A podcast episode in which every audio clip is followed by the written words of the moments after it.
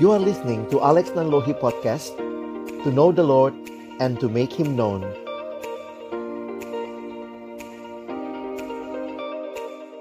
Selalu dalam rencanamu Tuhan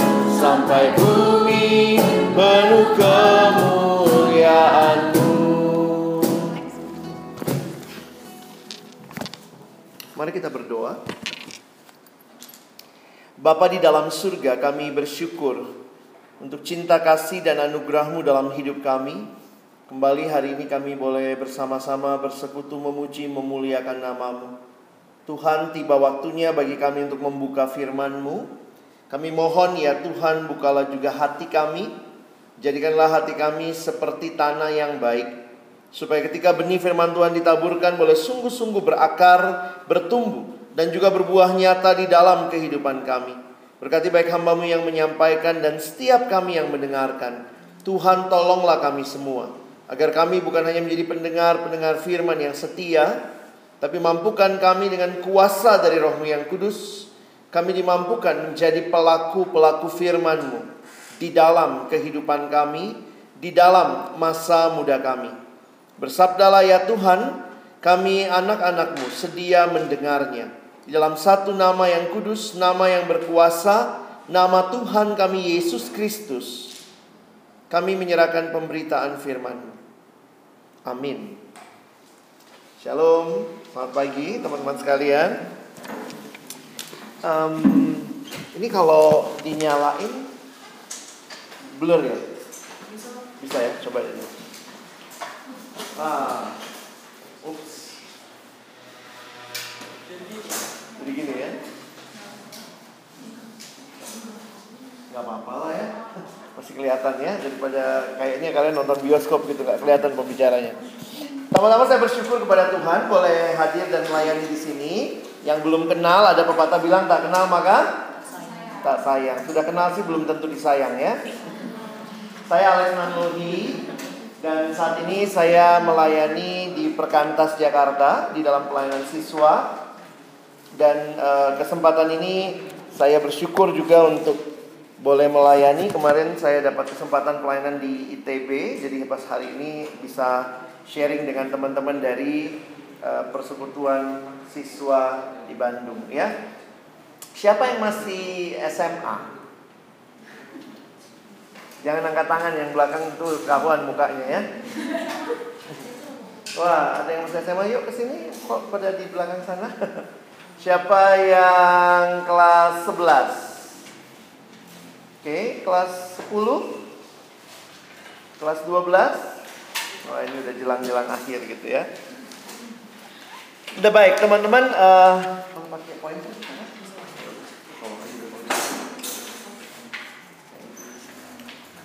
Kita bicara soal quo vadis. Dalam bahasa latin quo vadis berarti Hendak ke mana, mau ke mana jadi waktu bicara quo vadis ini salah satu yang terkenal itu waktu uh, kita belajar dalam sejarah gereja uh, satu waktu Petrus mau meninggalkan kota Roma karena Roma dibakar dan orang Kristen dijadikan kambing hitam oleh Nero yang waktu itu mengatakan orang Kristen ini harus dimusnahkan, dibasmi.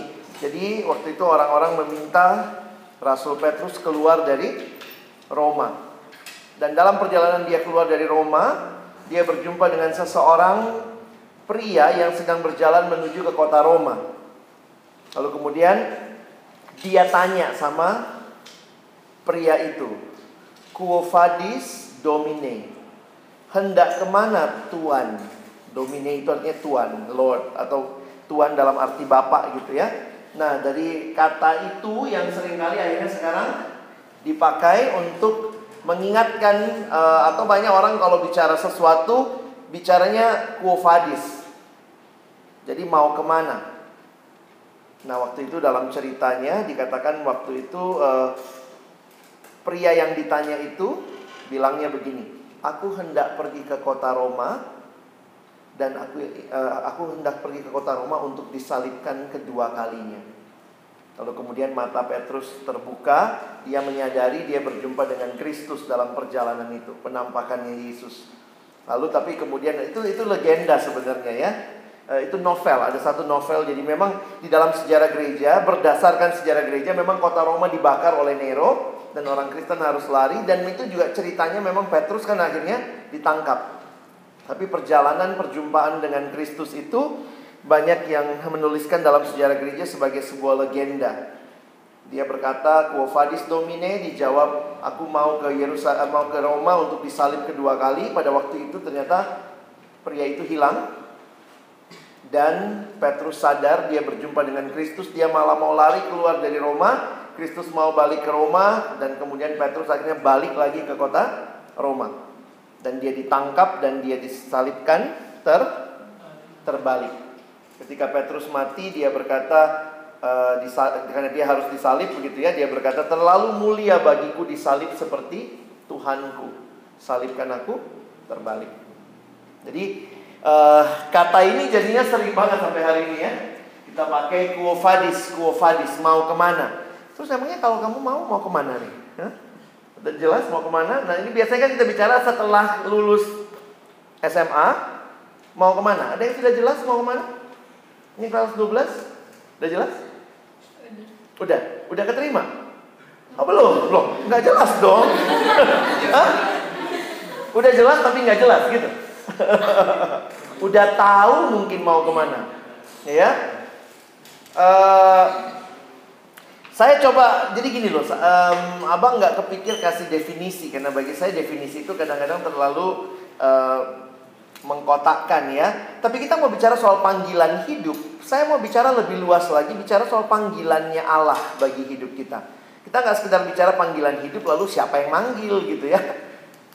Nah ini pengalaman saya bertemu dan bercakap-cakap dengan siswa yang bingung apa yang merupakan panggilan Allah bagi hidupnya.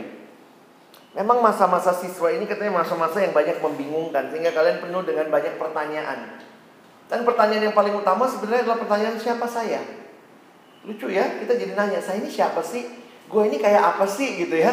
Dan ini pertanyaan yang kalau kita tidak bisa dapat jawabannya, itu pasti kita akan penasaran terus begitu ya. Termasuk mau ke mana? IPA atau IPS? Kalau sudah lulus mau kuliah negeri atau swasta? Kalau negeri mau yang favorit, tapi takut nggak masuk, passing grade-nya tinggi, atau ambil aja yang penting negeri. Jadi udah ambil yang bawah-bawah gitu ya. Kalau di jurusan saya dulu ada antropologi. Saya dulu dari UI, ilmu sosial, ilmu politik, jurusan ilmu komunikasi. Favoritnya itu hubungan internasional. Yang bawah-bawah itu ya antropologi gitu ya. Yang belajar-belajar e, manusia. Beda ya sama kalau di Fakultas Ilmu Budaya ada yang namanya arkeologi. Itu senang dengan yang tua-tua. Makin tua kamu cari makanya arkeolog ya calon suami apa istrinya gitu. Makin tua makin disayang. Dia pikir kamu artefak ya. Nah eh, pengalaman ini membuat saya jadi melihat sebenarnya kadang-kadang kita ini mungkin tidak paham apa sih yang dimaksud dengan eh, panggilan. Kita bicara panggilan panggilan panggilan tapi jangan lupa waktu bicara panggilan selalu harus kita mulai dengan karena misalnya ditanya gini, panggilan hidupmu apa? Langsung bayangan kita adalah mau jadi apa? Padahal sebelum kita bicara mau jadi apa, panggilan hidup itu harus selalu kita mulai dengan bertanya siapa yang manggil. Kalau ada panggilan berarti ada yang manggil dong. Ya, makanya saya mulai dengan slide ini. Ya, uh, siapa yang memanggil? There is no calling unless there is a caller. Ini buku yang terkenal tentang panggilan hidup ditulis oleh yang bernama Os Guinness, masih hidup dia ya. Dia menulis siapa yang memanggil, ini penting buat kita. Kenapa? Kalau di luar sana orang bicara panggilan hidup, bicara sekedar mau jadi apa, kita lupa siapa yang memanggil, kita harusnya bisa melihat bahwa kitab suci kita, Alkitab bicara panggilan itu yang memanggil adalah Allah, Sang Pencipta kita. Saya kadang suka pakai ilustrasi sederhana begini. Misalnya nih ya, ini kalau saya cipta benda ini nih, maka benda ini pertama kali dicipta punya siapa? Punya saya yang mencipta. Ya, jadi sebuah benda begitu dicipta, maka pertama kali itulah milik penciptanya. Mungkin kau bilang, tapi kan bang bisa dijual. Tahan dulu otak dagangmu ya. Makanya begitu dicipta sebuah benda itu adalah milik penciptanya. Nah, jadi sebenarnya waktu engkau dan saya berbicara, saya ini manusia, ciptaan Allah, berarti kita dimiliki oleh Allah. Waktu kita bicara panggilan Allah, itu bukan hal yang asing sebenarnya karena kita sedang bicara Allah yang mencipta kita. Kalau Allah yang mencipta kita, maka yang paling tahu tujuannya benda ini. Kalau saya ciptakan benda ini, yang paling tahu tujuannya benda ini siapa? Nah, saya yang mencipta. Hal siapa yang harus dilayani oleh benda ini? Penciptanya juga. Nah perhatikan di dalam Alkitab ada dua kata yang penting. Pertama kata penciptaan. Bahwa waktu Allah mencipta, maka itu milik Allah. Yang kedua adalah kata menebus, penebusan. Perhatikan penebusan. E, kalau ada sebuah benda terjual atau tergadai, apa artinya menebus? Kita bayarin sejumlah uang atau kita tukar dengan barang lain supaya benda itu kembali jadi milik kita. Di dalam dua konsep ini menarik, baik konsep penciptaan maupun penebusan ada konsep kepemilikan. Kita ini dicipta aja sudah punyanya Allah. Waktu saudara dan saya jatuh dalam dosa, Yesus datang tebus kita. Seolah-olah Allah utus Yesus mengatakan, bukan seolah-olah ya, Allah mengutus Yesus untuk menebus kita. Dan Yesus mau mengatakan, kembali kamu bukan milik dunia. Kamu miliknya Allah. Jadi kalau kita yang dipanggil oleh Allah, yang dicipta, yang ditebus, maka perhatikan engkau dan saya tidak sekedar bicara dipanggil jadi apa, tapi kita harus dengar yang perlu kita tanya, apa yang Tuhan mau dalam hidup saya? It's not my life. Jadi waktu kita bicara panggilan Allah, karena kita sadar gitu ya, ini bukan hidup kita kok. Loh, tapi kata Bon Jovi, it's my life. Ya Bon Jovi salah, ya. Karena Allah mau mengatakan, jadi sebenarnya ada pertukaran besar, great exchange terjadi di kayu salib harusnya kita yang mati. Karena kita berdosa. Tetapi akhirnya yang mati Yesus, kita yang hidup. Loh, kalau gitu bagaimana? Ini hidupnya siapa? Hidupnya Yesus yang dipinjemin sama kita. It's not your life. Itu Paulus sadari benar ya. Coba lihat Galatia pasal 2. Jadi saya coba kasih dasar pemikiran kita dulu ya. Galatia pasal 2, coba teman-teman perhatikan sebentar di dalam ayat 19 dan 20. Coba saya baca yang ke-19, kalian semua baca 20 ya. Sebab aku telah mati oleh hukum Taurat untuk hukum Taurat, supaya aku hidup untuk Allah, aku telah disalibkan dengan Kristus.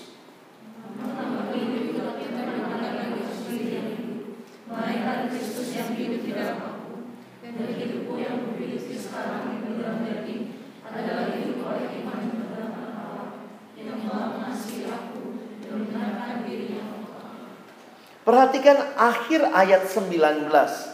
Dikatakan, aku telah disalibkan dengan Kristus. Orang yang disalib pasti ma mati.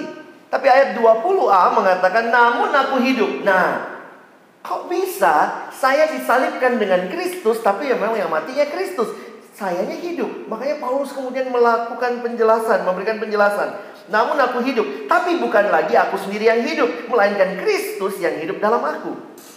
Oh dia kasih keterangan dan hidup yang kuhidupi sekarang adalah hidup di dalam daging, oh, bukan lagi hidup dalam daging gitu ya, tapi hidup oleh iman dalam anak Allah yang telah mengasihi aku. Jadi ini hidupnya Yesus. Kalau kita bicara panggilan Allah memang mesti begitu. Karena apa? Kita tidak menjadi makhluk independen. Dari awal dicipta kita bukan makhluk independen. Kita adalah makhluk yang bergantung kepada pencipta. Dan waktu kita ditebus, pencipta punya rencana yang indah bagi kita. That's why we need to hear him. Kita perlu mendengar Allah dan kita bicara panggilan Allah adalah panggilan yang memang menyatakan apa tujuannya yang terbaik dalam hidup kita. Jadi balik lagi uh, banyak orang bicara panggilan Allah nggak mau nanya sama Allah. Ada satu anak SMA pernah datang. Bang, menurut abang apa sih tujuan hidupku ke depan? Saya bilang siapa yang cipta kau? Tuhan. Terus Tuhan bilang apa? Nggak tahu.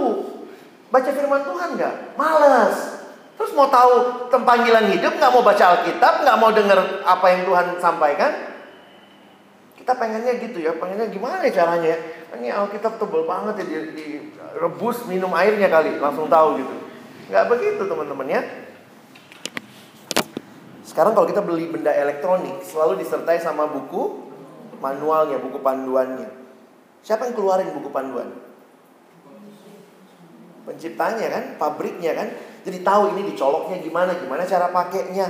Nah, waktu yang mencipta kita adalah Allah. Pertanyaannya kita rajin nggak baca buku manualnya?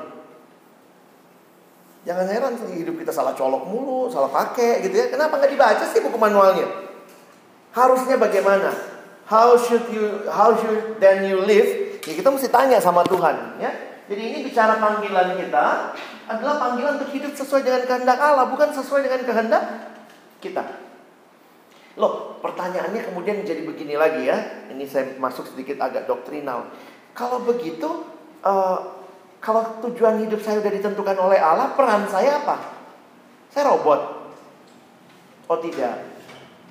Sampai batas tertentu, saya meyakini Tuhan sudah merancangkan kita dengan segala potensi. Jadi begini. Tujuan akhir pasti sesuai kehendak Tuhan, tetapi menjalaninya, kalau tadi kalian coba memisahkan dengan mengatakan ini bicara uh, tujuan uh, tujuan hidup lalu panggilan, poin saya adalah begini. Waktu kalian menjalani hidup yang sekarang ini, ada banyak pilihan-pilihan yang Tuhan izinkan kita melakukan pilihan. Di mana pilihan-pilihan itu akan sangat bergantung kepada ketaatan kalian kepada Tuhan. Contoh, sebenarnya Israel itu dipimpin Tuhan pasti masuk tanah Kanaan enggak? Kan Tuhan udah janji sama Abraham sama opungnya ya. Opung, ini anak-anak cucu-cucumu akan masuk tanah Kanaan. Masuk nggak? Masuk sih. Tapi masuknya berapa lama? Wih, di padang gurun aja 40 tahun. Sebenarnya kalau kalian belajar sejarah, geografi, letak Mesir sama Yerusalem, ada yang pernah jalan-jalan ke tanah suci? Sekarang itu kalau ke Yerusalem itu ada banyak entry point karena kita nggak ada pesawat langsung ke sana, bisa entry pointnya lewat Yordania, bisa entry pointnya lewat Mesir. Mesir itu dekat. Kalaupun zaman itu zaman bahela gitu ya, jalan kaki kira-kira 40 hari masuk Mesir dari eh sorry masuk Kanaan dari Mesir ke Kanaan itu cuma 40 hari. Kalau kalian kuasai peta buta ya, ini sekarang udah pada jarang bawa Alkitab cetak ya. Ini Mesir nih. Mesir di sini, ini Kanaan. Dia cuma gini, set, di pengkolan. Ini. Dan perhatikan, tidak ada laut yang harus dibelah. Ini kalau kalian perhatikan di jalannya nggak ada laut yang harus dibelah. Tahu nggak laut yang dibelah di mana? Bentar ya.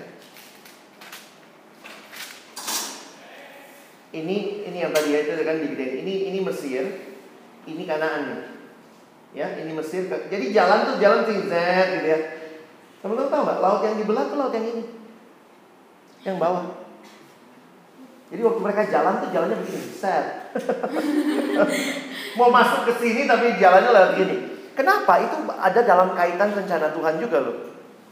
Nah, waktu saya merenungkan kisah ini, sebenarnya kenapa mereka seperti itu? Karena mereka tidak taat. Benar sih, akhirnya tercapai, tapi 40 tahun. Jadi saya jujur aja dalam dalam menghayati rencana Allah, saya yakin banget lah rencana Allah itu pasti indah terbaik buat kita. Cuma menjalaninya itu ada pilihan-pilihan kita. Ada yang mungkin harus 40 tahun. Kalau kamu salah pilih terus, Israel kan gitu. Dikasih Tuhan keluar dari Mesir, komplain sama Musa. Mereka bilang, Mus, uh, ya pasti gitu kalian ngomongnya, maksudnya sa gitu jeleknya. Kita kok dipimpin, bayangkan saya juga kalau orang jadi orang Israel juga bingung ya. Musa tuh mimpinnya terus di depan laut. Di belakang tentara Mesir udah udah ngejar. Sampai mereka bilang gini, Musa kurang kuburan di Mesir. Sampai kami mesti dibawa mati di sini. Terus Musa bilang, Tuhan akan berperang buat kita. Tapi mereka terus komplain gitu ya. Memang juga kalau secara logika gimana depan laut, belakang musuh. Ini keluarnya ke mana? Paling logis ke kiri kanan ya. Tapi kan musuh pasti udah lihat ya kiri kanan bisa dikejar gitu. Paling logis ke atas. gitu ya. Oh tapi Tuhan kreatif saudara ya. Tuhan bilang, oh tenang, Musa kamu pegang apa? Tongkat, coba pukulkan. Ah, laut kebelah. Yang nggak pernah dibayangkan. Dalam hidup kalau kita mau taat, bahkan ada hal-hal yang kita nggak pernah bayangin Tuhan bisa lakukan. Tuhan, papaku udah pensiun tahun ini, meritnya lama sih waktu itu. Uh, mamaku cuman uh, guru. Gimana saya mau kuliah kedokteran? Beberapa adik pernah cerita seperti itu. Nggak, secara logika nggak sanggup. Biayanya besar. Tapi kalau memang itu rencana Tuhan, ada aja cara Tuhan kan.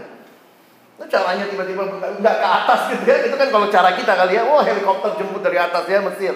Apa uh, orang Yahudi. Tapi mereka masuk ke dalam laut dan dibelah. Saya pikir waktu kalau jadi Musa juga perlu iman gitu ya. Musa kan nggak pernah gladi resik belah laut ya. Coba bayangkan tuh kalau dia belah begini nggak kebelah makhluknya itu. Mau taruh di mana nih muka gitu ya? Kalau nggak kebelah ya. Jadi teman-teman hayatilah bahwa Tuhan punya rencana yang indah, Tuhan panggil kita, Tuhan sudah selamatkan kita, kita miliknya, Dia mau kita dengar Dia dan hidup kita harus sesuai dengan apa yang Dia mau.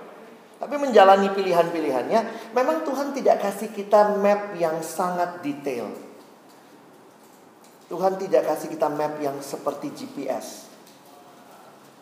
GPS itu udah kayak Tuhan ya. Tapi Tuhan memberikan kita guidance. Guidance itu nanti saya kasih contoh sama kita ya.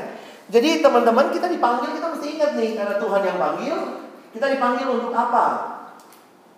We are called first and foremost to someone before it is to be and to do something. Saya senang kalimat ini ya. Ingat baik-baik.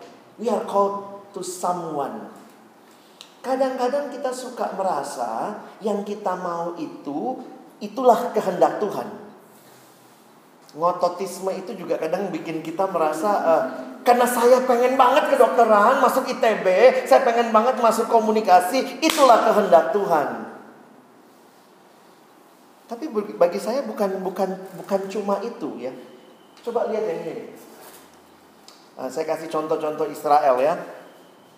Satu waktu kan orang Yahudi nakal banget gitu ya, komplain sama Tuhan.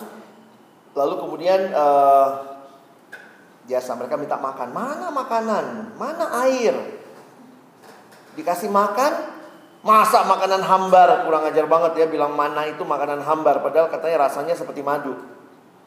Makanan hambar ini kami sudah muak. Masa nggak ada daging? Kita vegetarian mulu gini ya. Tuhan kasih burung puyuh.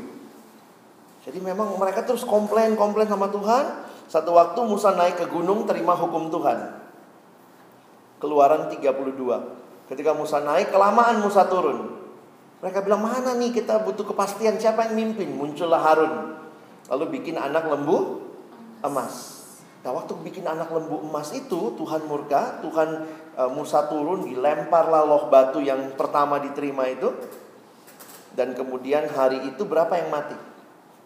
Berapa orang yang mati karena menyembah lembu emas? Coba cari keluaran 32. Keluaran 32. Ayo, berapa yang mati?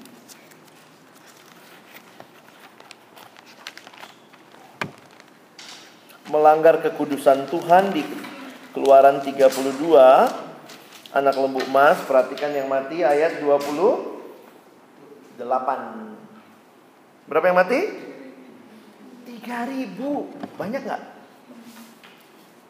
Saya waktu lihat, ah 3000 mati. Gila ya.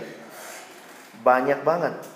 Nah di pasal 33, nah ini menarik nih. Di pasal 33, setelah Musa datang sama Tuhan minta ampun, oke okay, Tuhan bilang, oke okay, Mus. Nah sebenarnya cerita sederhananya begini, Tuhan tawarin begini. Oke Musa, sekarang kamu masuk ke Kanaan.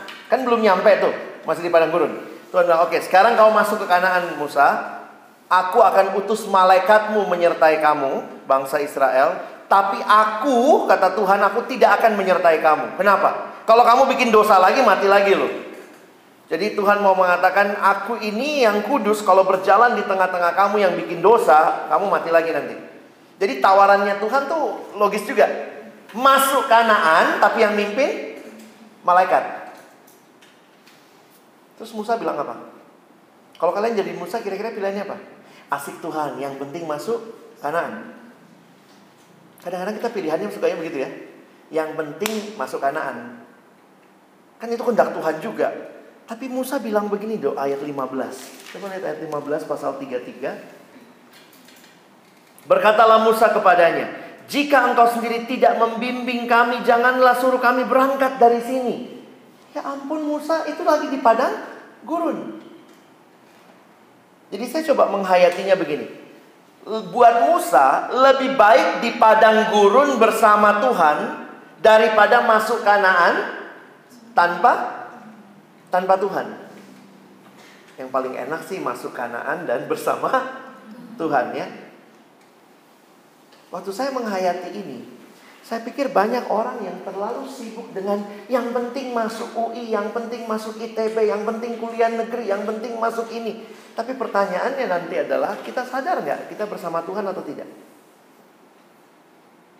Banyak orang waktu mau masuk kuliah, uh, doanya luar biasa. Papa mamanya ikut doa satu rumah puasa, satu RT dibagiin flyer, poster gitu ya. Doakan anak kami.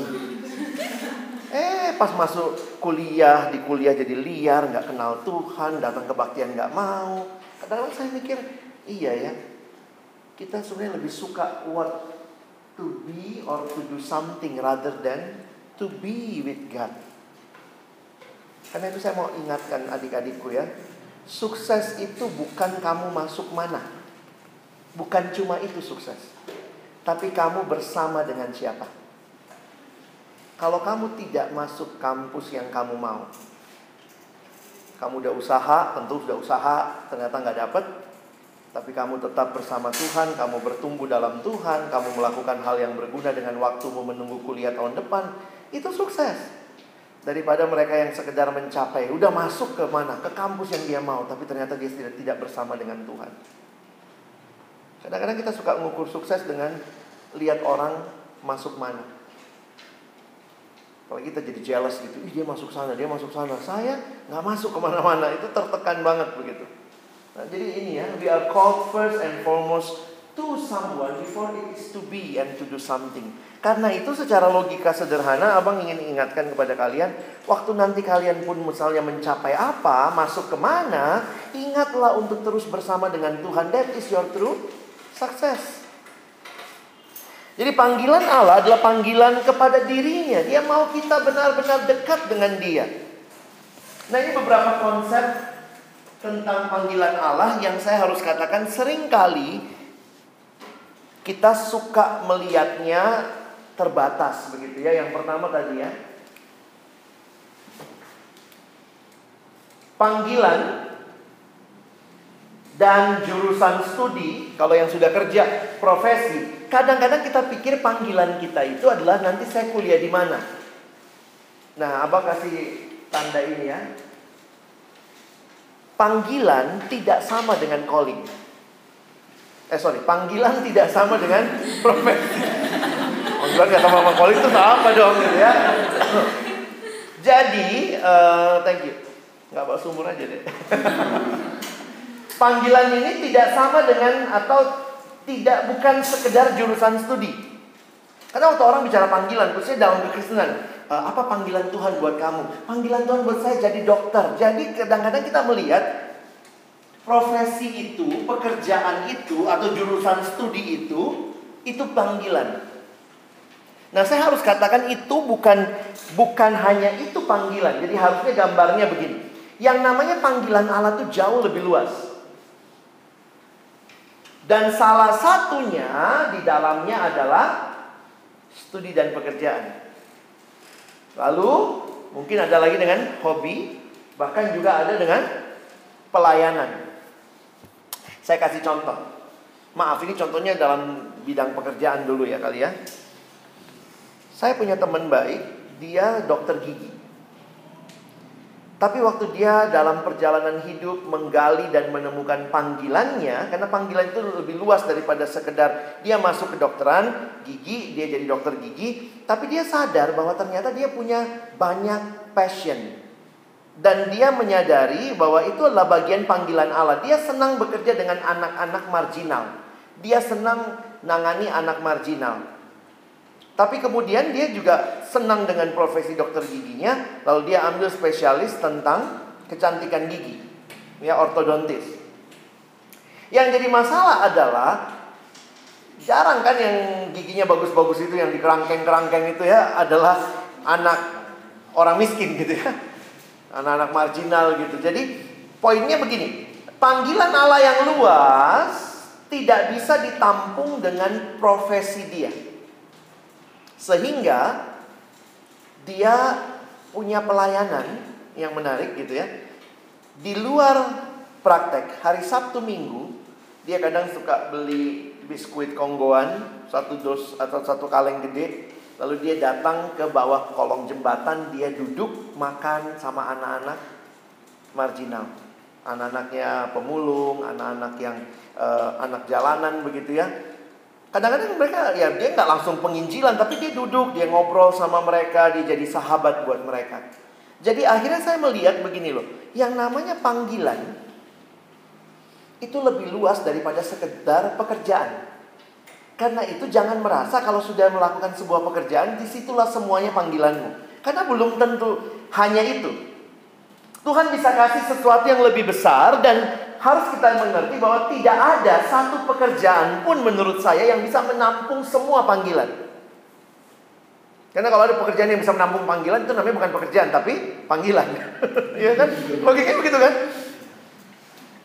Karena itu sedapat mungkin. Nah, ini orang juga sudah dalam pergumulan ya. Sedapat mungkin cari pekerjaan yang paling banyak bisa memenuhi panggilan kita. Tapi ya uh, dalam realitanya kadang-kadang nggak langsung calling equal studi pekerjaan no. Saya kasih contoh dunia siswa. Ada satu anak waktu dia gali potensinya, dia melihat karena panggilan itu sebenarnya salah satu cara menggalinya nanti adalah lihat potensimu. Lihat bakatmu, lihat karuniamu. Jadi waktu kami tolong dia gitu ya karena dia udah dibina dari siswa, Kemudian dia bilang, iya bang, saya kayaknya mau masuk IKJ. Mau jadi gitaris handal. Ngomong sama orang tua. Ya yeah, orang tua. ya Orang tua langsung, tidak. Nggak ada masa depan. Jadi kadang-kadang juga kalian mesti dengar ya, apa yang orang tua maksudkan. Mau jadi gitaris nggak ada masa depan. Kau jadi dokter. Nah anak ini taat banget sama orang tua ya. Jadi taat, dia ujian lah kedokteran. Dasar pinter lulus. Jadi lulus nih masuk ke dokteran. Nah, jadi pertanyaan nih, apakah studinya adalah panggilan? Dia memang senang nolong orang yang sakit gitu ya. Dia bisa lihat darah, kan kalau nggak bisa lihat darah jangan jadi dokter ya. Nanti kamu lagi operasi kok yang pingsan gitu ya. Terus ke akhirnya, dan dia udah jadi dokter sekarang. Dan tapi masih suka main gitar gitu. Nah waktu dia kuliah, dia tanya sama saya, jadi menurut abang bagaimana dengan kemampuan ke, keinginan dia main gitar? Saya bilang teruskan main gitarmu sebagai hobi. Oh, boleh nggak? Jadi jangan merasa kalau sudah ditutuplah semua. Kadang-kadang kita beda pendapat sama orang tua, apalagi di, di Indonesia yang biayain kuliah orang tua. Kalau ambil yang lain nggak ada biaya, misalnya gitu. Kalaupun kamu nggak siap, waktu kamu menjalaninya calling itu nggak langsung persis sama. Mungkin kerinduanmu menolong orang melalui pekerjaanmu. Talentamu melalui hobi dan juga bisa melalui pelayanan. Dia bisa main gitar di gereja, jadi pemusik. Kan nggak mungkin main gitar di kamar operasi kan? Deng, deng, deng, amin pak ya, mau operasi ya. Nggak bisa. Jadi akhirnya saya melihat, kalau kita punya cara pikir yang lebih terbuka, kita tidak melihat job ataupun studi equal panggilan. Tetapi kemudian kamu hanya akan mencari Tuhan, apa yang Tuhan sudah berikan, passion, passion, desire yang Tuhan berikan, bagaimana saya bisa kembangkan juga di dalam bukan hanya satu bagian sebagai hobi, sebagai pelayanan atau mungkin juga sebagai hal yang lainnya. Nah anak ini karena memang seneng banget main gitar Waktu kuliah kedokteran ngelesin anak orang gitar Dapat duit lagi dari situ ya Tapi itu tetap, tetap sebagai hobi Karena kalau, uh, kalau yang ini Pekerjaan ini kan menghasilkan uangnya Uangnya dari sini Hobi mungkin nggak dibayar Ketepatan anak itu dibayar juga ya Karena hobinya memberkati orang lain Dan pelayanan mungkin nggak dibayar Dalam arti uh, tidak dapat viatikum khusus tapi kemudian ini semua sedang memenuhi panggilan Allah. Bisa dipahami sampai sini? Oke? Okay? Nah ini konsep pertama yang kadang-kadang saya lihat kita salah ngerti. Kita pikir panggilan Allah itu itulah kerjaanku inilah panggilan. Sehingga banyak orang yang cuma fokus sama kerja, habis kerja nggak mau pelayanan. Padahal mungkin ada calling-calling dia yang lain yang bisa dipenuhi lewat pelayanan. Yang kedua, kalian lebih setuju mana? Mencari kehendak Tuhan, ini kalau bicara panggilannya, mencari kehendak Tuhan atau uh, mengetahui kehendak Tuhan? Which one you prefer? Finding God's will atau knowing God's will? Hmm? Yang mana yang lebih alkitabiah kayaknya? Mencari. Emangnya hilang? Mesti dicari. Mengetahui? Hilang? Mencari. Kenapa? Apa? Lebih seru. Karena ada questnya di situ gitu ya. Seringkali kita punya penghayatan begini. Memang di dalam buku-buku teologi ya dua ini dipertukarkan. Cuma saya harap saya minta kalian pelajari dan pahami dasarnya. Karena menurut saya beberapa dasar kita kurang alkitabiah dalam penggunaan istilah ini. Beberapa orang yang pakai istilah finding itu punya pemahaman begini.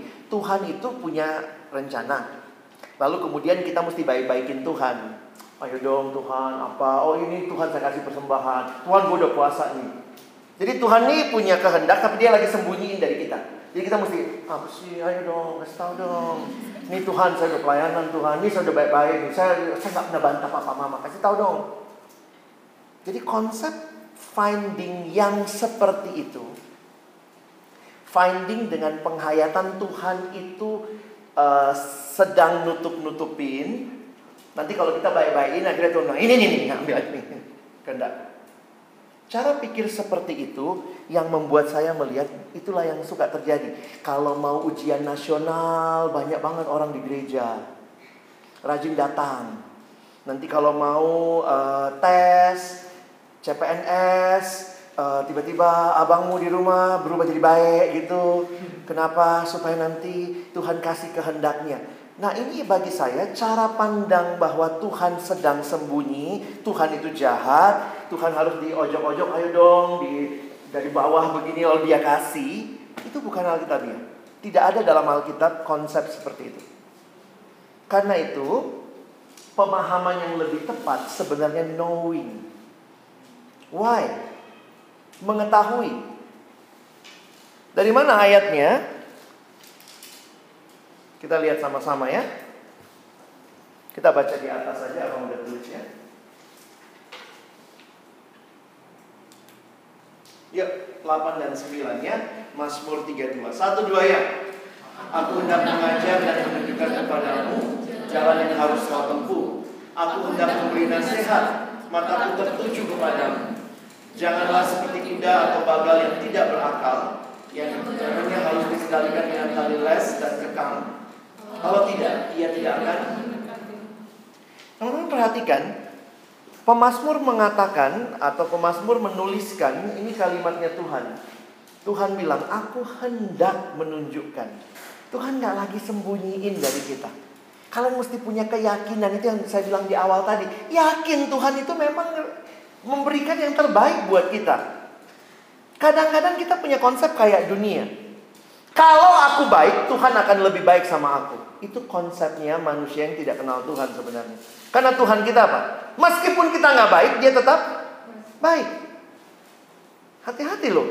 Saya pimpin ibadah SMA ya beberapa SMA Kristen di Jakarta gitu kalau mau apa ujian nasional, kebaktian uh, ujian nasional gitu ya.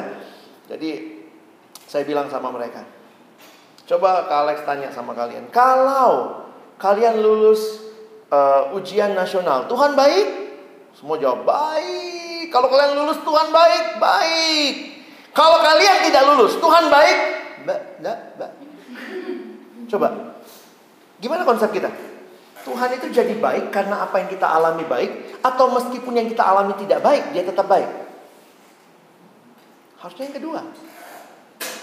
Jadi Tuhan tidak lagi ngumpet-ngumpetin kalau kita mesti baik-baikin dia. Poin saya bukan berarti kita tidak hidup baik. Tuhan mau kita hidup baik dan jangan jadi baik karena mau sesuatu. Itu sebenarnya nyogok kan? Kalau ada KPK sorgawi ketangkap kita, penjilat-penjilat. Harusnya kamu dan saya adalah orang yang memang sungguh-sungguh mau cari kehendak Tuhan tiap hari. Baca Alkitab saat teduh. Jangan kalau mau menjelang ujian, saat teduh tiba-tiba jadi bagus gitu ya. Kenapa? Karena berharap kalau nanti gurunya salah lihat Tuhan. Kemudian matanya gurunya buta lalu dapat 10. Goblok namanya. Kadang-kadang wishnya kita tuh aneh. Mengikuti keinginan daging kita. Jadi Tuhan bilang aku hendak mengajar pendidikan kepadamu yang harus kau tempuh. Aku mau memberi nasihat mataku tertuju kepadamu. Kamu pernah nggak ada yang ini matanya tertuju misalnya oh, mataku tertuju. Jadi Tuhan mau bilang, cuman sama kamu aku mau bimbing kamu. Nah, sikapnya yang penting. Ini yang kita mesti pelajari. Janganlah seperti kuda atau bagal yang tidak berakal. Jadi sebenarnya untuk bisa dipimpin Tuhan kita butuh apa? Kalau dari ayat 9. Pakai otak. Tentu firman Tuhan mem, mem, apa menolong ya. Kadang-kadang banyak orang sok aduh gimana ngomongnya maaf ya. Orang Kristen ini semuanya dirohanikan. Tuhan harus datang nggak hari ini kebaktiannya? Tuhan tunjukkan dong ayatnya. Kalau ada ayat tiba-tiba uh, uh, ingat dan kuduskanlah hari Sabat. Oh iya benar Tuhan. Oh memang mesti pergi. Kalau kita kayak begitu, sebenarnya kita tuh jadi menjadikan kerohanian itu seperti over spiritualize. Padahal dalam akal sehat, ini kan janganlah seperti kuda atau bangla yang tidak berakal, yang negaranya harus dikendalikan dan tanda atau kekang. Tanpa ayat pun hari Minggu harusnya gereja kau, itu kan? Tanpa ayat pun harusnya kita yang butuh Tuhan setiap hari kita cari Dia. Kalau pendeta Stephen Tong bilang begini, Ibu yang anaknya sakit tengah malam tidak butuh tanda dari langit untuk bawa anaknya ke dokter. Itu logika, pakai otak. Makanya kita diminta Tuhan mau kasih tahu, ya pakai akal kita. Akal kita yang diterangi oleh firman Tuhan, yang dibimbing oleh Tuhan, tentu juga Tuhan nggak mau kita mengandalkan akal kita semata-mata. Karena itu kita harus berserah kepada Tuhan agar pertimbangan duniawi, akal kita yang terbatas dan bisa salah, pertimbangan rohani ini ketika dipadukan memberikan kepada kita keputusan yang penuh hikmat. Tapi ini yang saya kadang-kadang suka sedih ya. Orang Kristen kayak mau pakai otaknya. Saya mau pelayanan Tuhan. Iya, gimana caranya? Tuhan kasih ayat, kasih ayat. Saya bilang bukan cari ayat, itu kamu over spiritual. Akhirnya ayat nggak ngomong itu kau cari-cari kan? Kalau kamu mau melayani, pertimbangkan studimu bagaimana. Waktu kamu studi bisa bagi waktu nggak dengan pelayanan? Itu kan pakai, pakai otak. Kan nggak ada tuh di Alkitab. Oh, masuknya ke mana? Oh, ITB. Tapi kamu mulai sekarang mulai ikut try out, coba lihat, coba lihat kemampuanmu. Jadi akhirnya kita pun bisa diminta untuk bisa memikirkan yang pas dengan apa yang Tuhan berikan buat kita. Jadi sampai di sini saya berharap kita tidak punya konsep Tuhan sedang ngumpetin kehendaknya. Dia sedang menyatakan kok. Maukah kita taat? Maukah kita pakai seluruh kemampuan kita termasuk akal kita untuk bisa mengerti apa yang jadi rencana Tuhan. Sampai sini ada pertanyaan? Cukup jelas? Jadi beberapa kali saya bawakan sesi seperti ini ada yang bilang iya ya kak kalau kayak gitu berarti kita nggak usah baik-baikin Tuhan bukan nggak usah baik-baikin Tuhan, tapi memang kamu harus baik kepada Tuhan. Itu balik lagi jangan menjadi orang yang baik karena ada maunya. Itu namanya tidak tulus. Munafik. Oke, ada pertanyaan? Sebenarnya prinsipnya ini udah kalian boleh pulang ya selesai. Semua ini bagi saya saya cuma mau nyampein itu supaya kalian punya pemahaman seperti itu. Yang berikut ini cuma seperti lanjutannya. Kalau ditanya bagaimana menemukan panggilan Tuhan? Apa yang mesti dilihat? Uh, cepat sekali ya. Pentingnya panggilan hidup. Nah ini saya masuk lebih spesifik ke panggilan hidup ya. Agar kita hidup bijak, tidak bodoh, sia-sia, yaitu hidup yang sesuai dengan kehendak Allah. Karena itu kita terus harus bertanya sama Tuhan. Kalau kita tahu panggilan hidup kita, kita tahu passion-passion kita, kita bisa hidup bijak, tidak bodoh. Hidup kita optimal. Hidup yang sesuai dengan talenta yang diberikan kepada kita. Jangan mau talenta orang. Sehingga ada orang yang sibuk komplain. Kalau lihat orang MC, ih, begitu sih? Aku juga mau, aku juga mau. Padahal mungkin talentamu beda. Kalau talentamu sama ya silakan dicoba. Tapi kalau enggak, nah karena itu nanti teman-teman sangat membutuhkan komunitas untuk kita menemukan panggilan kita. Karena biasanya komunitas mengkonfirmasi, iya ya, kau bagus loh kalau nyanyi. Atau mungkin dia ulang ide, bagus banget kau kalau nggak apa nggak usah nyanyi ya karena tadi begitu kau nyanyi ada teman saya gitu ya semua dia nada yang dia tahu cuma do Yesus itulah satu-satunya penolongku yang sungguh dia berjanji kita bilang eh nada itu ada do tinggi ada do rendah oh gitu Yesus itulah satu-satunya penolongku yang sungguh jadi kadang-kadang Jangan mau talentanya orang, tapi talenta kita yang kita kembangkan. Mungkin kamu nggak bisa nyanyi, nggak apa-apa, nggak usah tampil di depan, nggak masalah. Emang yang di depan lebih rohani? Enggak juga. Kita ngelihatnya kadang-kadang yang di depan lebih. Mungkin kamu bagiannya apa? Senyummu manis, penyambut tamu lah, gitu kan? Jadi kita sama-sama tahu poin kita. Agar kita hidup sangat bermakna, menjadi berkat dan memuliakan Allah. Nah, ini Tiga macam panggilan yang kita mesti mengerti. Semua manusia sejak dicipta, karena dicipta oleh Allah, pasti ada panggilan. Masih ingat panggilan pertama? Beranak cuculah, bertambah banyaklah, penuhilah bumi, dan taklukkanlah itu. Itu untuk siapa? Orang Kristen aja? No, semua ciptaan. Jadi orang waktu dia bertahan hidup, dia berjuang, dia kuliah supaya bisa kerja, itu bagian dari menaklukkan bumi. Sementara orang Kristen ada lagi tambahannya. Hidup taat, bersaksi, melayani, harus PI. Pergi jadikanlah semua bangsa muridku. Itu panggilannya orang Kristen, tidak dikasih sama orang yang bukan Kristen. Ya, Nah, yang kita sebenarnya suka ngomongin yang sekarang itu adalah personal vocation. Secara lebih khusus untuk setiap pribadi. Semua orang Kristen dipanggil jadi orang yang memberitakan Injil, melayani. Tetapi profesi khususnya atau misalnya bidang fokus yang dari bagian kita itu namanya personal vocation. Nah, memang ini biasanya orang suka kaitkan sama profesi, sama studi. Misalnya jadi guru, pegawai negeri, artis, artis panggilan ya? Saya bingung juga tuh belakangan Daniel Mananta kesaksian di gereja ya, lagi viral tuh orang uh, sharing ya di GKBJ ya. Dan dia bilang juga gitu, waktu saya membawa acara Tuhan kasih ayat sama saya, jadi dia menghayati profesi artisnya sebagai panggilan. Mungkin kalian bilang, bang saya terpanggil jadi artis ke Hollywood. Silahkan ya. Kalau memang itu panggilan, go for it. Mungkin Tuhan bilang, jangan langsung ke Hollywood, lewat Bollywood dulu. Nah, gitu ya. Supaya kamu bisa kayak Bang Sahat tadi ya, donat, aha, gitu ya. Kayaknya pinggulnya pas. Di kota atau di desa, ini juga kan? Di kota atau di desa, swasta atau pemerintahan. Nah ini pergumulan yang personal vocation ini bagaimana menemukannya? Ini yang saya bilang tadi, kita butuh menggalinya dan bukan hanya kita, kita butuh komu komunitas. Makanya kalau kalian punya kelompok kecil, banyak share di kelompok. Nah, bagaimana menemukan personal vocation? Tiga. Paul Stephen, seorang nulis buku juga tentang panggilan, dia bilang ada tiga hal. Pertama, providential call. Yang kedua, talent call. Yang ketiga, hard call. Kalau tiga-tiganya ini digabungkan, itu bisa jadi kamu memahami callingmu. Sederhananya apa? Providential call itu adalah apa yang Tuhan sudah pelihara dalam hidup kita.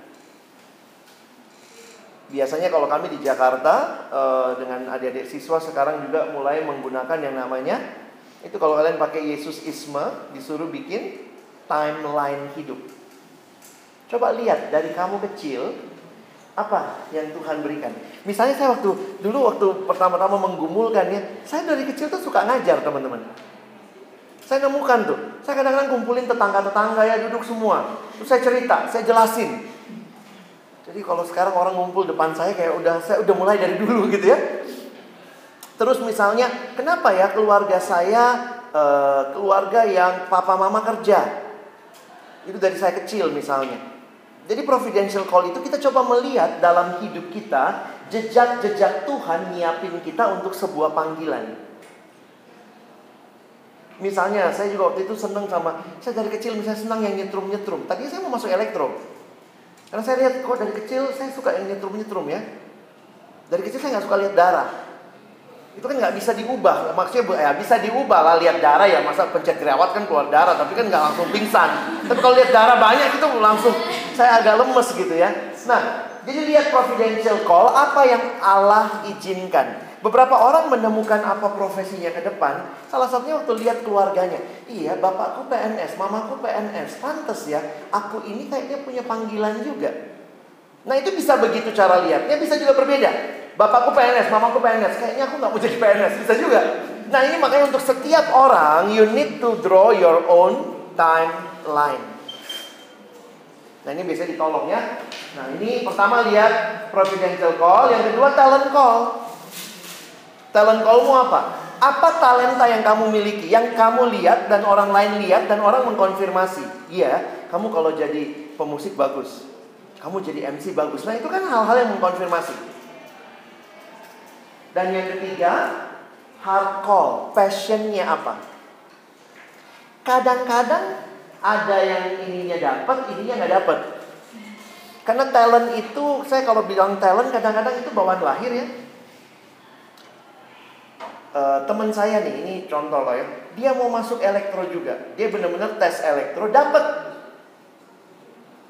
Jadi hardnya dapat dan kemampuannya juga dapat. Begitu sampai hari pertama daftar ulang tes kesehatan. Buta warna. Boleh elektro? Oh, tapi hatinya pengen banget elektro. Talentanya nggak dapat, itu kan nggak kasih tuh. Elektro nggak boleh buta warna. Salah nyambung meledak nanti. Akhirnya dia disuruh pilih waktu itu, nggak usah tes ulang ya, pilih jurusan lain. Dia udah bingung, udahlah dia pilih sipil ya. Ya semen kan abu-abu semua. nah jadi ini kalau penjelasannya secara singkat gini ya. Discerning the providential hand of God in our life Lihat dari kamu lahir, bagaimana keluargamu, kenapa kamu sekolahnya seperti itu Itu bisa jadi cara kamu menemukan panggilan yang Tuhan berikan. Ini kalau providential call, prinsip providensial. Yang kedua, talent call. Eh, sorry. Discerning our giftedness within the divinely ordained circumstances. Jadi memang hal-hal yang Tuhan udah kasih sebagai bagian penting bagi hidupmu. Udah dari kecil misalnya bisa nyanyi, nyanyi itu kan talenta. Karena saya bilang teman saya ini dilatih, udah dilatih dia tetap Yesus itulah satu-satunya. Tapi ada orang yang memang dari kecil lakukannya udah bagus. Terakhir, hard call. Hard call itu biasanya begini, kita punya passion terhadap hal tertentu. Misalnya saya punya passion bekerja dengan orang muda. Ada yang punya passion bekerja sama anak-anak. Saya tuh anak-anak saya suka lihatnya, tapi nggak punya passion. Anak sekolah minggu kalau berisik, ih gue gampar juga nih gitu kan. Tapi kalau anak remaja masih bisa dibilangin, saya tuh masih nyambung gitu ya. Kalau anak, tapi makanya saya salut banget kalau lihat orang jadi guru sekolah minggu. Hebat nih ya. Anak-anak yang ah, mau ee -e, gitu. Aduh. Kalau saya ee -e gitu ya, teman saya waktu dia bilang, apa yang kau pelajari waktu jadi guru sekolah minggu? Belajar nyebok, nyebokin anak orang. Dia bilang, iya ya, kamu belajar saya, kalau saya pakai kaki kali. gitu ya. Maksudnya passionnya nggak di situ. Tapi jangan lupa, sering kali, nah ini sering kali atau mungkin juga ada beberapa hal yang bukan passion kita, tapi karena Tuhan panggil kita untuk melakukan sesuatu, Tuhan kasih kita ketekunan, ketabahan, kesabaran menjalani itu. Jangan jangan setelah menemukan ini kita langsung bilang ini, bukan itu pasti panggilan hidupku. Bisa jadi kalau kamu terbuka, Tuhan memberikan kepada kamu. Dipimpin Tuhan itu bukan model blueprint. Udah pasti begini nggak boleh berubah. Saya menikmati dipimpin Tuhan itu langkah demi langkah. Jadi makanya saya juga terbuka kalau lihat orang berubah profesi. Kenapa? Mungkin itu panggilan Tuhan buat dia. Tiba-tiba sudah mau kejar apa, tahu-tahu eh jadi hamba Tuhan. Saya kaget juga, eh lu masuk jadi pelayan iya kak. Firman mengkonfirmasi terus, teman-teman juga. Oh ya udah. Tuhan pimpinnya makanya kan benar menarik juga firmanmu pelita bagi kakiku. Ini bukan lampu sorot. Kita pengennya firman lampu sorot, langsung tahu ujungnya. Wih, kita pengen tahu saya nanti merit sama siapa, anakku berapa, saya matinya bagaimana. Kita maunya begitu ya. Tapi life is not like that. Dipimpin firman, firman ini pelita. Pernah bawa pelita? Lilin lah. Kelihatan berapa meter? Ya ilah semeter dua meter doang kelihatan kalau gelap banget. Gimana apa yang ada di depan sana? Maju dulu semeter. Taat semeter kebuka lagi. Taat lagi, kebuka lagi. Itulah hidup kita. Jadi jangan kemudian ini juga kadang-kadang orang suka pakai. Bang, setelah saya tes, saya gali talenta saya, saya nggak bisa itu. Saya dulu ngalamin gini. Saya ini kan katanya sanguin. Katanya ya, ada kan ada empat itu ya. Sanguin, uh, kolerik, flekmatik itu kan pembagian temperamen dasar. Itu paling kelihatan kalau rumah kebakaran. Kalau rumah kebakaran itu orang sanguin akan lari-lari. Woi, kebakaran, kebakaran itu orang sanguin.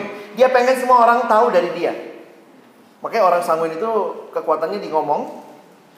Itu biasanya kalau kamu punya teman yang sanguin, kalimat pembukanya suka gini. Eh tahu nggak? Nah itu ciri-ciri sanguin. Eh tahu nggak? Lalu orang kolerik pekerja keras. Yang satu kan uh, presenter kalau kolerik pekerja keras. Dia ambil air, ember, dia siram. Kebakaran kok lari-lari.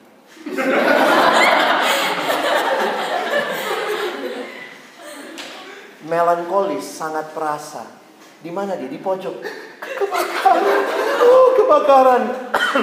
Melankolis itu pikirnya panjang. Maksudnya gini, dia analitis. Jadi belum terjadi dia pikirin aduh kalau kebakaran nanti dia nggak bisa dia nggak bisa sekolah kalau dia nggak bisa sekolah nanti dia nggak bisa kuliah kalau nggak bisa kuliah nanti masa depannya hancur udah panjang dia bikin novel tentang rumah terbakar padahal anaknya lagi baik-baik aja di situ ya yang terakhir flagmatic ini tipe yang cuek dia lewat oh kebakaran Nah kalian bisa bayangkan tuh Kalau dalam pelayanan aja Kita punya orang yang tipenya beda-beda menghadapi satu kebakaran dengan berbagai respon yang berbeda. Makanya secara secara karakter temperamen dasar misalnya saya yang sanguin itu orang sanguin itu memang kesannya tidak teliti. Dan itu apa yang saya pernah coba tuh ya. Diminta jadi bendahara. Wah, sanguin jadi bendahara sudahlah. Semua minta duit saya kasih. Siapa lagi? Ambil, ambil, kasih semua. Kasih, kasih. Terakhir, saya ingat banget di rapat terakhir saya bilang teman-teman tolong dong yang pernah dapat uang dari saya lapornya saya lupa bikin ini ya perinciannya. Tapi saya sebagai sanguin tidak bisa berlindung di balik kesanguinan saya seolah-olah sanguin nggak bisa teliti. Ini maksudnya abang ya. Jangan bilang oh maaf saya sanguin, saya nggak bisa jadi bendahara. Kalau sampai nggak ada lagi yang jadi bendahara, mungkin saya bisa nolong, tapi itu bukan kekuatan terbesar saya. Kalau nanti maju kasih pengumuman, nah itu gue dah. Karena ada juga yang kalau maju kasih pengumuman, kalau bukan karunia talentanya, di depan dia modenya mode getar. Mode vibrate HP gitu ya. Nah, jadi perhatikan. Kalau kamu jadi tahu apa talentamu, apa panggilanmu, ah, sorry ya, kamu tahu panggilanmu, apa yang Tuhan berikan buat kamu, kamu cari ilmu yang paling pas, tapi lihat lagi bagian mana yang tidak tertampung di ilmumu, di profesimu, kalian kembangkan sebagai hobi atau dalam pelayanan. Dan ketika apa yang kamu miliki berjumpa dengan kebutuhan dunia milik Allah. Jadi ingat ya, kamu ini milik Allah, kita dalam dunia milik Allah. Ketika kemampuan kita, kira-kira Tuhan kasih kemampuan itu buat siapa? Buat diri pribadi. No, saya makin melihat Tuhan kasih itu supaya kita berperan di dalam dunia karena kita garam dan terang dunia. Bayangkan kalau kekuatanmu, semua kemampuanmu, apa yang kamu senangi itu dipakai bagi dunia, itu ketemu dengan dunia milik Allah dan kebutuhannya, maka itu yang paling klop. Contoh, kenapa kamu mau kuliah di ITB? Apakah sekedar supaya nanti jadi insinyur kaya raya, nanti banyak uangnya, alumni ITB di mana-mana? Kalau cuma itu tujuan hidupmu, kamu belum bertemu dengan kebutuhan dunia. Tapi saya ketemu siswa yang bilang gini, dunia teknik bobrok bang. Saya mau jadi sarjana teknik yang bisa membaharui dunia teknik di Indonesia. Oh iya, kamu punya visi. Kalau cuman bang, saya mau masuk teknik supaya nanti kaya raya, bisa beli kamera SLR, bisa traveling dan traveloka ke mana-mana. Nanti kemudian saya punya hidup yang baik, keluarga saya, saya menikah, saya punya anak, anak saya punya cucu. Lalu nanti saya matinya di kursi goyang gitu, wah enak banget. And I live happily ever after. Kalau ini semua cuma demi dirimu, saya pikir Tuhan kita egois banget ya, ciptain kita buat diri kita. Tapi Tuhan bilang tidak ada dunia yang rusak. Kamu saya hadirkan di tengah dunia yang rusak. Tidak mungkin tujuan hidup kita hanya untuk diri kita. Pasti kita salah. Tujuan hidup pasti untuk kerajaan Allah. Kerajaan Allah itu di dalam seluruh dunia apa yang terjadi. Kita tarik lebih kecil. Tuhan terlalu jauh dunia. Indonesia nih. Kalian di Indonesia mau ngapain? Lihat dunia pendidikan yang rusak, mau nggak beri diri jadi guru? Masuk di UPI-UPI itu ya. Upil. Misalnya, sorry ya saya sama Bang suka begitu ya, suka saling menghina. Melihat dunia teknik yang rusak, saya mau beri diri. Kemampuanku saya pakai di situ. Lihat mungkin dunia teologi yang rusak. Tuhan, saya jadi hambamu gitu ya saya masuk ke sana. Abang tutup dengan video ini, mudah-mudahan bisa diputar. Ada ini soundnya bisa? Soundnya enggak. Oh ya udah videonya aja lah. Kita bersound ya, kita bikin soundnya. Ini lagunya dari Yakinku Teguh, ya. Jadi kita nyanyi dalam hati dari Yakinku Teguh. Ah, ini boleh digelapkan.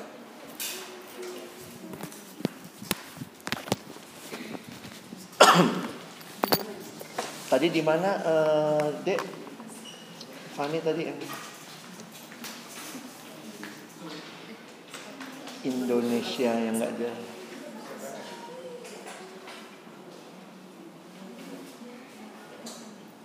I.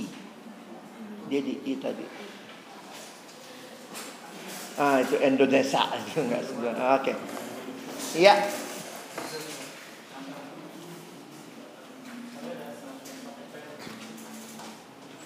Oh nggak bisa?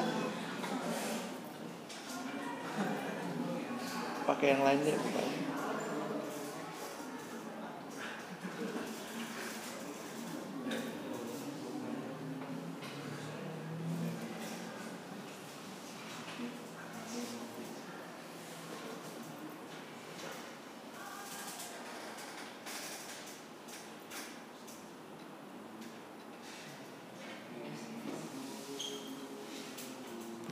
Ada yang nyanyi lah ya kalau mau.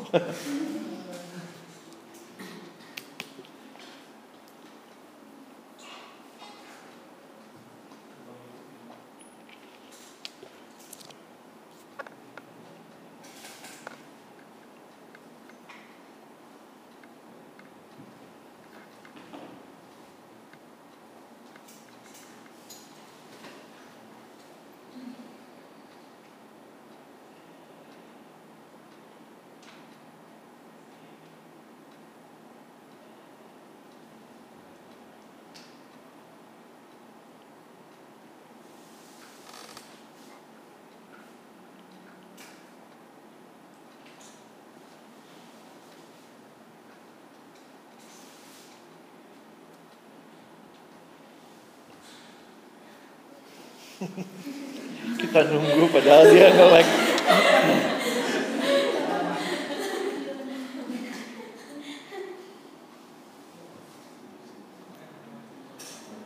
Di play kali deh.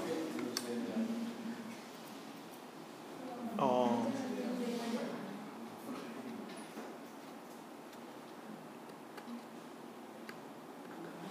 Agak macet ya.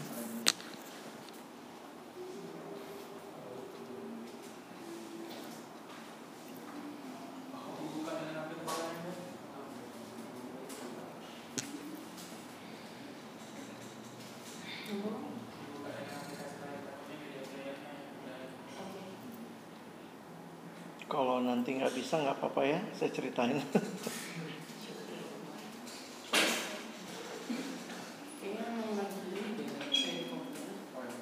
Not responding. Oke deh. Jadi sebenarnya slide tadi menunjukkan kondisi Indonesia. Lalu di bagian terakhir ceritanya atau di bagian terakhir slide ini menantang siswa-siswa. Kalau Indonesia rusak seperti ini, waktu kamu sadari panggilanmu, maukah kau berbagian termasuk dalam memilih jurusan kuliah? Jangan cuma pilih jurusan karena bapak mau ini, mama mau ini, opung maunya ini, opung dulu masuk ITB nggak bisa, cuma masuk di depan aja terus keluar lagi. Kadang-kadang kalau cuma begitu cerita kita, kalau kata anak Jakarta receh banget gitu ya. Tapi ketika kita bisa melihat, iya ya, saya tidak kebetulan lahir di Indonesia, itu providential call. Tidak kebetulan saya di Bandung. Tidak kebetulan saya dalam keluarga yang masih punya biaya untuk menyekolahkan saya kuliah. Tidak kebetulan saya senang pelajaran fisika. Tidak kebetulan dan nanti kemudian kamu bisa lihat merangkai. Sehingga pilihan jurusanmu pun terkait dengan apa yang jadi rencana Tuhan. Ya, mari kita berdoa. Bapak Surgawi, terima kasih banyak kami belajar apa artinya hidup, mengerti, menjalani panggilanmu. Tuhan tolong kami bukan hanya hidup demi hidup tapi kami hidup demi membangun kerajaan Allah berbagian di dalam misi Allah yang besar bagi dunia ini. Sekali lagi terima kasih untuk apa yang kami pelajari. Tolong kami bukan cuma jadi pendengar, jadikan kami pelaku-pelaku firman. Makin teguh, makin yakin siapa Allah yang kami percaya. Allah yang kami percaya mau membimbing kami dan kepadamu kami menyerahkan seluruh hidup kami dipimpin dan dibimbing oleh Tuhan. Kami bersyukur dalam nama Yesus kami berdoa. Amin.